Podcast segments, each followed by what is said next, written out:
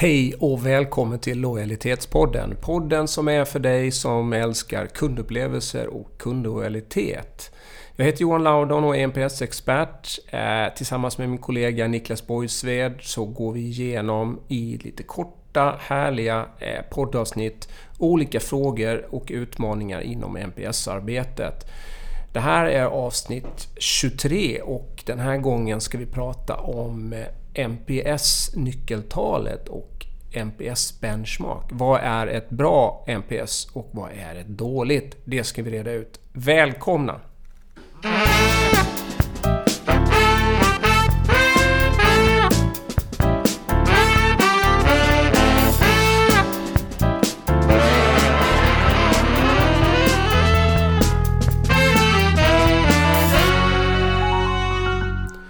Tjena Niklas, nu är vi på gång igen. Ja, Ett hej. nytt, nytt färskt avsnitt av Lojalitetspodden. Mm, härligt. Och eh, idag så tänkte vi att vi skulle prata om någonting som vi eh, ofta får frågor kring. Nämligen, vad är ett bra NPS? Precis. Ja, det är många som funderar på det. Om hur de ligger till själva mot ja, vad som borde kunna vara bra eh, i förhållande till dem själva. Ja, och det är inte så konstigt att man, att man undrar det. För eh, man vill ju alltid ha saker och ting att jämföra med. Så är det ju. Ja, och det är ett viktigt nyckeltal. Eh, många börjar ju där också att man mäter, får fram sin första NPS och då är man ju väldigt nyfiken på om det är bra eller dåligt. Mm. Och vad är ett bra NPS då? Ja, det är det som är lite lurigt faktiskt. För det är ju så eh, svårt att säga specifikt. Det finns ju lite sådär tumregler man kan... Alltså hela NPSen bygger ju på att en positiv NPS, då har man ju fler, större andel ambassadörer än negativa. Så det är klart det, det är bra om det är en positiv siffra. Eh, att man inte ligger på minus helt enkelt. Nej. Eh, men sen är det så mycket som skiljer då mellan olika branscher. Eh, om det är business to business eller business to consumer. Det kan skilja mellan olika marknader. Eh, Det skiljer mellan hur man mäter och så vidare. Så det finns mycket att tänka på där. Kring när man ska göra en bedömning om man har en bra NPS eller inte. Just det. Ja, det är ju rörigt. Sen så är det ju också, eh, tänker jag, att eh, i konsumentsammanhang så brukar det vara lite enklare att i alla fall ta reda på vad NPSen är i en bransch. Eller hur? Ja, det görs ju det görs en del officiella benchmark-undersökningar eh, som är då oberoende. Och det är oftast i konsumentbranscher. Men för det allra mesta är det på de större marknaderna. I, så i Europa till exempel, Tyskland, Frankrike, England och så vidare. Ja, man använder så stora konsumentpaneler ofta. Eller hur? ja, ja. Och eh, så är det de största branscherna såklart. Då. Men en, en bra sak att säga kanske är att eh, poängen är ju mycket att jämföra sig med sig själv. Så man ska Mm. inte snöa in för mycket på det här med att jämföra sig med andra.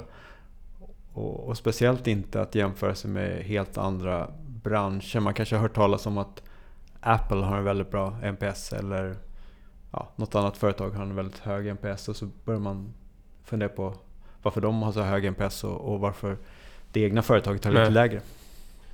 Man kan vara lite deppig, men det ska man inte bli. För förutsättningarna är helt olika. Sen om, om man tar de här olika delarna då. Eh, så B2B jämfört med B2C till exempel. B2B är inte alls lika känslomässigt laddat Nej. eh, för det mesta. I B2C då finns det ju konsumentvarumärken som har fanklubbar kring sig. Eh, Och man kan nå väldigt höga NPS-siffror. Det finns exempel på ända upp, upp och snudda på 100. 100 är ju max men där ligger ju inga. eh, I alla fall inte om man har mycket data.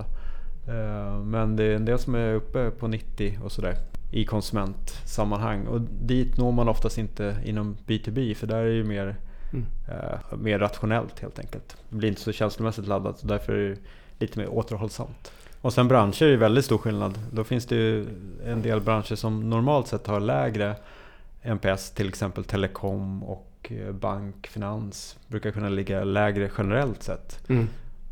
Medan andra då, så här, online-tjänster till exempel ligger högt. Och så finns det skillnader mellan marknader då. I ytterligheterna brukar, brukar man prata om Brasilien och Japan. Så Brasilien Mm. är lättare att få höga betyg. Inte bara på NPS utan generellt i, i olika typer av betygsundersökningar. Medan i Japan så är det mer återhållsamt. Mm. Så det kan vara svårt att jämföra med olika marknader. Då. I Norden till exempel är ganska homogent. Men det finns lite skillnad mellan Nordeuropa och Sydeuropa. Så där är Nordeuropa lite mer återhållsamt än Sydeuropa till exempel. Men det, sen så tänker jag också, det, man kan ju om man, om man eh, googlar runt lite grann så kan man ju hitta, nu tänker jag på business to business, så kan man ju hitta lite siffror här och där. Mm. Det ska man ändå vara lite försiktig med, eller hur? För ja. jag tänker på hur har man, hur har man eh, fått in datan helt enkelt? Ja.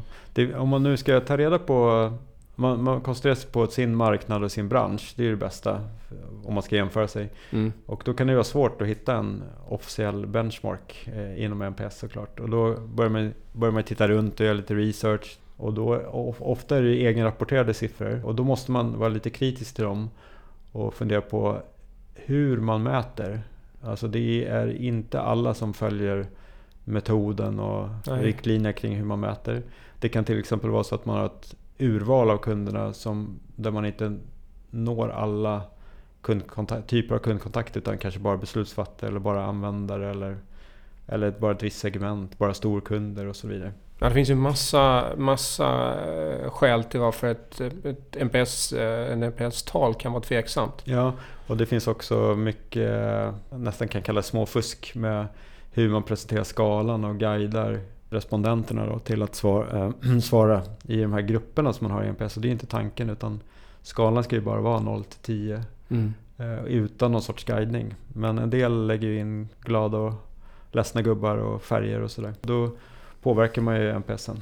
Just det. Så helt enkelt så måste man ta det där med, med en, nypa, en nypa salt helt enkelt. Mm. Uh, och vi känner väl, vi känner ju att, ja, alltså okej, okay, det är inte så konstigt att man vill veta hur man ligger till i sin bransch. Det är ju liksom fullt normalt. Men man ska ju fokusera på, på sig själv och, och se vad, hur, vad behöver jag göra för att, för att förändra ja. mitt, eget, eh, mitt egen NPS. Hur kan jag få mer lojala kunder? Det är ju det det handlar om. Ja, precis. Förstå vilka kundupplevelser man måste förbättra i sin egen verksamhet. Men eh, en del använder ju då eh, en egen benchmark. Alltså att man frågar sina befintliga kunder om de använder andra tjänster eller produkter inom samma segment och, eh, och, och, och frågar dem jämförelse med, mot dem. Då. Så då kan det är ju fram... lite smart för då, då får man i alla fall en indikation får man väl säga. För det är ju lite, det är lite bias i det också att fråga den egna kunden. Om... Ja, de har ju uppenbarligen valt en själv som eh, leverantör så att säga. Så då, det finns ju en,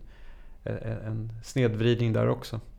Men eh. det kan, ge, det, kan ge en, det kan helt enkelt ge en indikation på ja. hur man ligger till då. Precis. Mellan tummen och pekfingret kan man också ge lite sådär, eh, som sagt positiv NPS är bra. Eh, så att man har fler större andel ambassadörer än negativa. Och har man en NPS som ligger runt 50 och uppåt där, då vet man att det är, nästan i alla branscher är det i alla fall bra. Ja, det är det.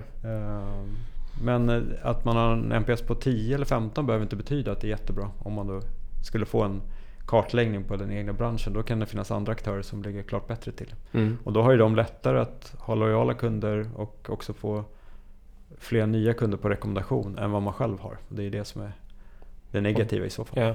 Men jag tänker också på när, när man ser på eh, företag som har väldigt hög NPS, då kan man ju också se att, eh, att betygen på kundupplevelser eh, är också väldigt höga.